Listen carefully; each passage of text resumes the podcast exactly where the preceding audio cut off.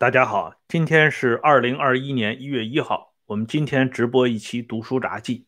今天读书札记的题目，想必大家已经看到，一个平凡而伟大的女性，她的名字叫江小燕。所谓“巾帼不让须眉”，指的就是江小燕女士在上个世纪六十年代、七十年代那个岁月峥峥嵘的。时节里，他所表现出的那种令人吃惊，也是令人无法企及的行径，啊，让我们感觉到天地之间，即便是在重压之下，仍然透着一股生气，而这种生气变成日后的短暂的生机勃勃。江小燕儿，她生平做的一件大事儿。就是跟之前我给大家介绍过的中国著名翻译家傅雷先生去世之后的一件大事息息相关。因为傅雷夫妇呢是含冤去世，采取的那种决绝的方式，以至于在当时那种情况下，没有人敢于去给他们夫妇直接料理后事。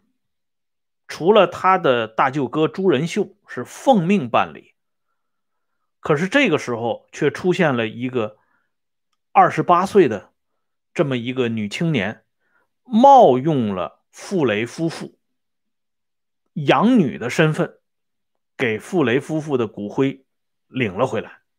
因为按照当时的规定，呃，用自杀的这种方式属于严重的反党行为。这种行为是不允许留下骨灰的。如果不是江小燕女士当时伸出这么一双手，那么傅雷先生他们夫妇两个人真的就无处安放了。哎，正是由于这件事情，让江小燕女士在以后的岁月里边逐渐的。进入到我们这些有底线、有良知的人们的视线当中来。不过，在讲述江小燕女士这个动人的故事之前，咱们先做一个对比，否则今天的题目就不能叫“须巾帼不让须眉”。咱们先来看看这些须眉男儿做的事情。先说一下，呃，傅雷和朱梅馥。夫妇俩关系最近的一个人，他的名字叫朱仁秀，就是傅雷先生的大舅哥。这个人最后做到的位置是上海市统计局党委书记，啊，这是一个正厅级的干部。傅雷被打成右派之后，这个朱仁秀啊，就多次到傅雷的家中。从正面的角度，我们可以说。他去安慰啊自己的妹夫，但如果从历史的角度来看，就像当初冯玉带经常要到张伯钧、李建生家里去安抚张伯钧、李建生一样，他们身上都肩负着特殊的使命，是代表着党和人民去监视这些右派分子，看他们戴了帽子之后有哪些啊出格的表现。及时的向党组织进行汇报，想必朱仁秀的身上也应该有同样的重担。那么这个事情到了一九六六年九月三号，傅雷夫妇去世之后，朱仁秀办了一个什么事情呢？就是当地公安机关与朱仁秀取得联系，啊，让朱仁秀呢负责办理一下傅雷夫妇后边的事情。嗯，他是按照规定去办理了。但是骨灰这件事情，朱仁秀没有插手。为什么没有插手？他本人没有做任何解释，我们也不知道。啊，想必呢也应该是来自于呃组织上的任务。啊，这是傅雷的大舅哥。那么我们再来看傅雷啊最喜欢的长子傅聪。这个人物实际上是。在上一次节目里，我就很少提到，啊，今天呢，利用这个时间，正好把这个人物在他父亲去世之后的一些情况做一个极为简单的介绍。因为当时傅雷夫妇去世的时候，傅聪本人没有在国内，啊，即便是在国内的弟弟傅敏也没有办法前去为父母做最后的一点微薄之力，因为大家都非常困难，都是深陷困境之中，这个完全可以理解。而不能让人理解的是什么呢？就是到了一九七八年。当时的中央音乐学院的院长吴主强，他呢是代表中国率领中国艺术教育团去英国。他还没有出发的时候，吴主强就预料到傅聪可能会找到他，啊，因为吴主强跟傅聪他们之间是。有过一段患难之交，这吴主强是什么人呢？吴主强的哥哥就是著名的剧作家吴主光，他的嫂子就是那位著名的评剧表演艺术家辛凤霞。这吴主强官做的比他哥哥吴主光要大，做到中央音乐学院院长，做到中国文联党组书记，做到全国政协专门委员会的委员。政协常委是一个正部长级的文化官员。吴祖强到了英国之后，果然就像他自己预料的那样，傅聪呢几次跟他联系，最终在一个晚上同他接上了关系。啊，傅冲第一句话啊向吴祖强表达的含义就是他想回国看一看。他特别迫切的想了解祖国的山山水水啊，日新月异的变化。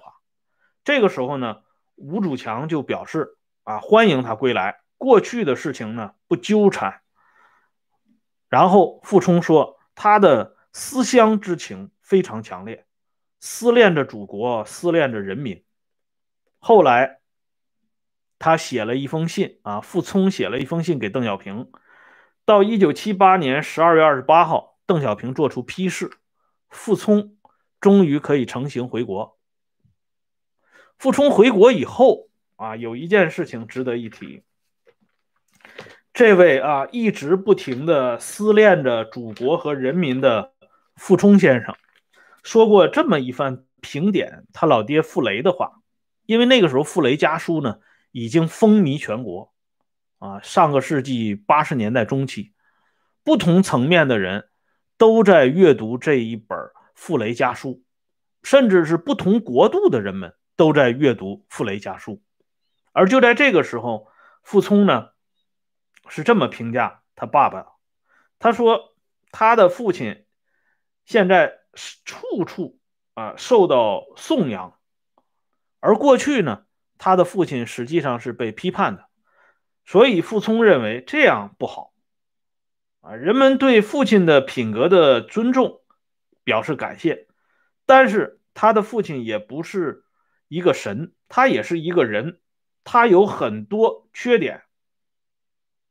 傅雷家书不是每一句话都对，哎，这么一番啊，貌似客观、啊公正，或者说是公允的这种评价，让官方如获。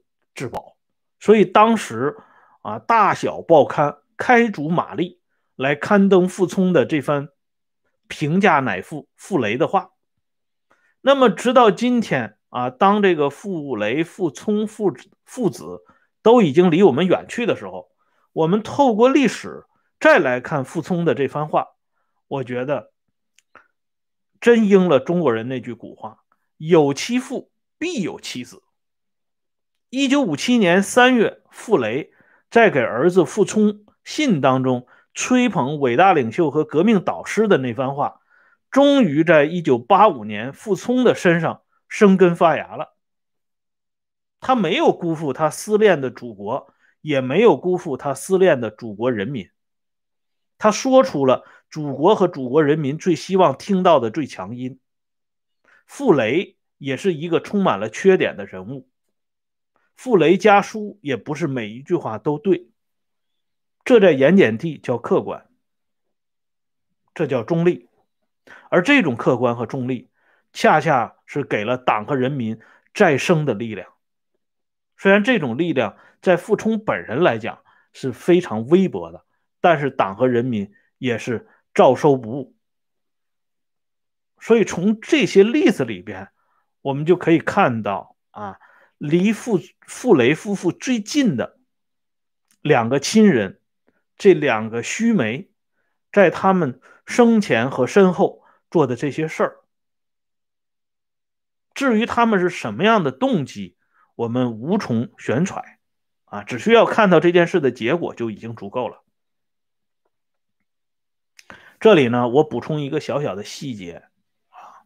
当时有一个人叫左安民，他是傅雷夫妇辖区派出所的民警，他是第一时间赶到出事现场的，所以他留下一个宝贵的口述资料。他说，傅雷夫妇两个人是吊在那个窗帘的那个钢窗上边，傅雷是在右边，朱梅富是在左边，而且由于啊。傅雷夫妇是一个特殊的人物，所以傅雷夫妇在身后享受了别人享受不到的一个待遇。什么待遇呢？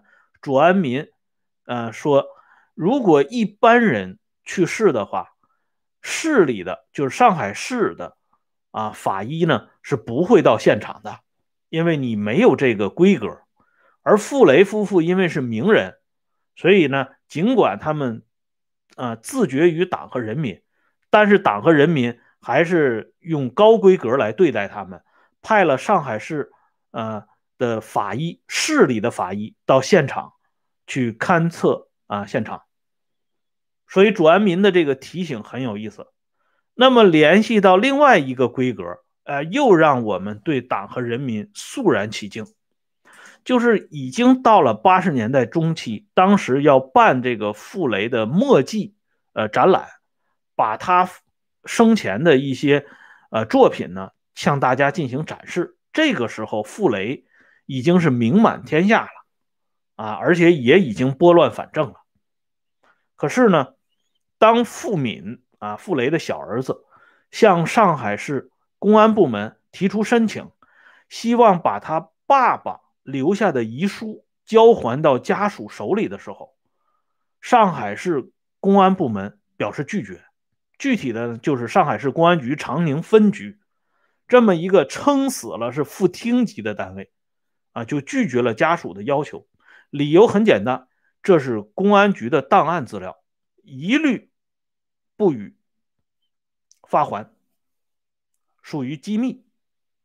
后来呢，傅敏就找到自己的舅舅，就是刚才我给大家介绍的上海市统计局党组书记啊，党委书记朱仁秀。朱仁秀派自己的办公室副主任到长宁分局去交涉，啊，就是说能不能把原件给家属？你们公安部门呢留一个复印件？公安部门还是表示拒绝，说这个是档案。去了三次，拒绝了三次，就是不给。一个长宁分局就有权利这么做，所以最后实在是没有办法了。怎么办呢？傅敏给胡耀邦写了一封信。当时胡耀邦是名义上的最高领导人。胡耀邦这封信收到以后做了批示，长宁分局乖乖的。把这个遗书呢送到了家属的手中。此外，我们还提一个人物，这个人物是对傅雷很有感情的，也是傅雷的孩子们啊特别呃重视的这么一个人物。他的名字呢叫娄世仪啊，这个人呢很有意思，他说过这么一番话。他认为，啊，就娄世仪先生认为，傅聪这个人很开阔，很大度，啊，因为傅聪能够千里迢迢的回到祖国，而很开阔、很大度这个词不仅用在傅聪的身上，娄世仪呢还用到陈毅的身上。他说陈毅这个人也很开阔，也很大度。为什么呢？因为傅聪在一九五九年没打招呼，就直接离开了波兰，去英国了。他某种意义上讲，是背离了祖国。而陈毅同志呢，仍然允许傅雷和自己的儿子通家信。就这一点来讲，陈毅同志的心胸很宽、很开阔。这是娄世仪啊。这么一个号称是鲁迅弟子的人，这个人应该说还是一个很善良的人。他能说出这么一番话来，就不由得让我们想起另外一个心胸很开阔的老同志。这个人是陆定一。陆定一的儿子陆德在回忆他爸爸的时候说过一句话，他说他爸爸陆定一认为，啊，搞文艺工作的、搞科学工作的这些工作者。应该被赋予独立思考的地位和能力，所以路德认为他爸爸能说出这么一番话是非常了不起的。所以我们就觉得啊，像陈毅和陆定一这样的人物，被他们的身边的这些人，或者是他们的子女，或者熟悉他们的人，吹捧成心胸很开阔，而他们所说的这些话。让我们在今天觉得非常的滑稽。人家父子之间通家信，能够用心胸很开阔来形容吗？这不是人之常情吗？只要是一个人，他就应该有独立思考、独立辨别的能力，还需要特别的分门别类，说科学工作者、文艺工作者才能有独立思考的能力啊，别的工作者。比如说陶大粪的就不需要有独立思考的能力，有这么解释的吗？哎，但是这些话居然就堂而皇之的出现在他们怀念这些亲人的文字当中，而且居然被认为是一个非常开阔开明的呃典范。所以回过头来看了这些乌七八糟的这些须眉男儿做的事情，说的这些屁话，我们再来看江小燕的女女士。他的这些表现，真的是让我们啊感受到另外一个世界。江小燕这个人是生于一九三八年，她是一个普通的不能再普通的女性了。她之所以去救助傅雷夫妇，全然是因为傅雷翻译的作品《约翰克里斯朵夫》还有《贝多芬传》打动了这个年轻的女性，所以当她知道。傅雷夫妇含冤去世的时候，他是冒着生命的危险，冒充傅雷的养女，去领回了傅雷夫妇的骨灰。这在一九六六年啊，大家想一想，那个年代，一般人谁敢做这种事情？问题是跟自己有什么关系呢？那个时候躲这些人还躲不及呢，他主动凑上去，果不其然，他很快啊就给抓了起来。他之所以被抓起来，是因为跟咱们的敬爱的恩来同志，这个号称来晚了的啊总理，人民的好总理有直接关系。因为江小燕觉得傅雷的呃夫妇的遭遇呢，敬爱的周总理肯定不知道这件事情，于是呢，他傻不拉几的就给咱们的人民的好总理写了一封信。恩来同志呢没收到这封信，据。后来的公开史料介绍说，这封信就落到了四人帮及其爪牙手里，于是江小燕女士就被逮捕了。在那个时候啊，给伟大领袖和给中央专案审查委员会主任周恩来同志写信，一般情况下是不会轻易落到四人帮及其爪牙手中的，因为这两个人是没有人敢轻易触碰的，特别是写的是。周的亲收的这种信，一般没有人敢动这种的。但是不知道为什么这封信居然就落到了四人帮及其爪牙手中，这个恐怕只有恩来同志和邓大姐最清楚。当然，四人帮及其爪牙可能也很清楚。这样呢，江小燕就被带走了。万幸的是，她是被工厂里的造反派带走的。所以江小燕晚年回忆，她说：“如果审查她的那些人不是这些底层的工人，而是有知识而无脑子的那些知识分子，江小燕可能就不会生还了。”啊，这时候就倒是让我们想起中国人那句老话：“仗义每多屠狗辈。”而江小燕能够做出这些事儿，其实一点都不奇怪，因为他的父亲江小燕的爸爸。当年做过类似的事情，啊，当这些亲友们孤立无援的时候，他爸爸曾经帮助过四个亲朋好友。而江小燕呢，她在上中学的时候，她的俄语老师跟她关系特别好。而这个俄语老师被打成右派之后，学校鼓励江小燕写揭发材料，揭发自己的老师，江小燕拒绝了。拒绝的后果是，江小燕的成绩虽然很好，但是禁止她参加高考，政治审查不合格，所以她没办法上大学。最终呢，江小燕是以四十一岁的这个年纪呢，啊，考取了业余大学，在八十年代完成了业余大学的大专学历。所以这个人他的最后能够伸手去帮助傅雷夫妇。不是偶然的。当这件事情被披露之后，很多正直的人都被感动了。啊，傅雷的儿子，两个儿子自然也在被感动之列，所以他们就想去看望江小燕。可是江小燕给傅敏写过一封信，啊，这封信里面的意思就是说，江小燕说自己是一个自尊心很强的人。他不希望看到别人对他冷嘲热讽，他的自尊同时也是他一个独立思考的关键环节，所以他也不希望被这些世世俗的事情所缠绕。他认为他自己做的这个事情，只是做了一个作为人应该做的事情，不值得去那么反复的道谢啊，落入到这种世俗的这种俗套的当中。所以他拒绝了傅敏的请求。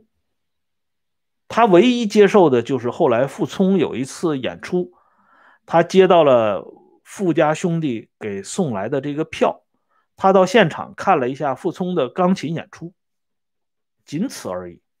而且他对作家叶永烈一直强调一点：如果你不曝光我的姓名，你可以采访我。如果你要执意曝光我的姓名，我就拒绝采访。啊，叶永烈就答应了江小燕的请求，所以江小燕这个名字好长时间大家不知道，直到后来啊，江小燕在书法上边取得了突飞猛进的进步之后，她的名字才逐渐被传扬开来，而她的事迹呢，也逐渐被大家所熟知。但即便是这样啊，呃，今天很多年轻人也不知道，在那个年代里，有这么一个二十八岁的女性，能够做出很多中国人做不出来的事情。其实，即使今天啊，江小燕做的这些事情，还是很多人做不出来的事情。所以，我们回顾一下江小燕的事迹。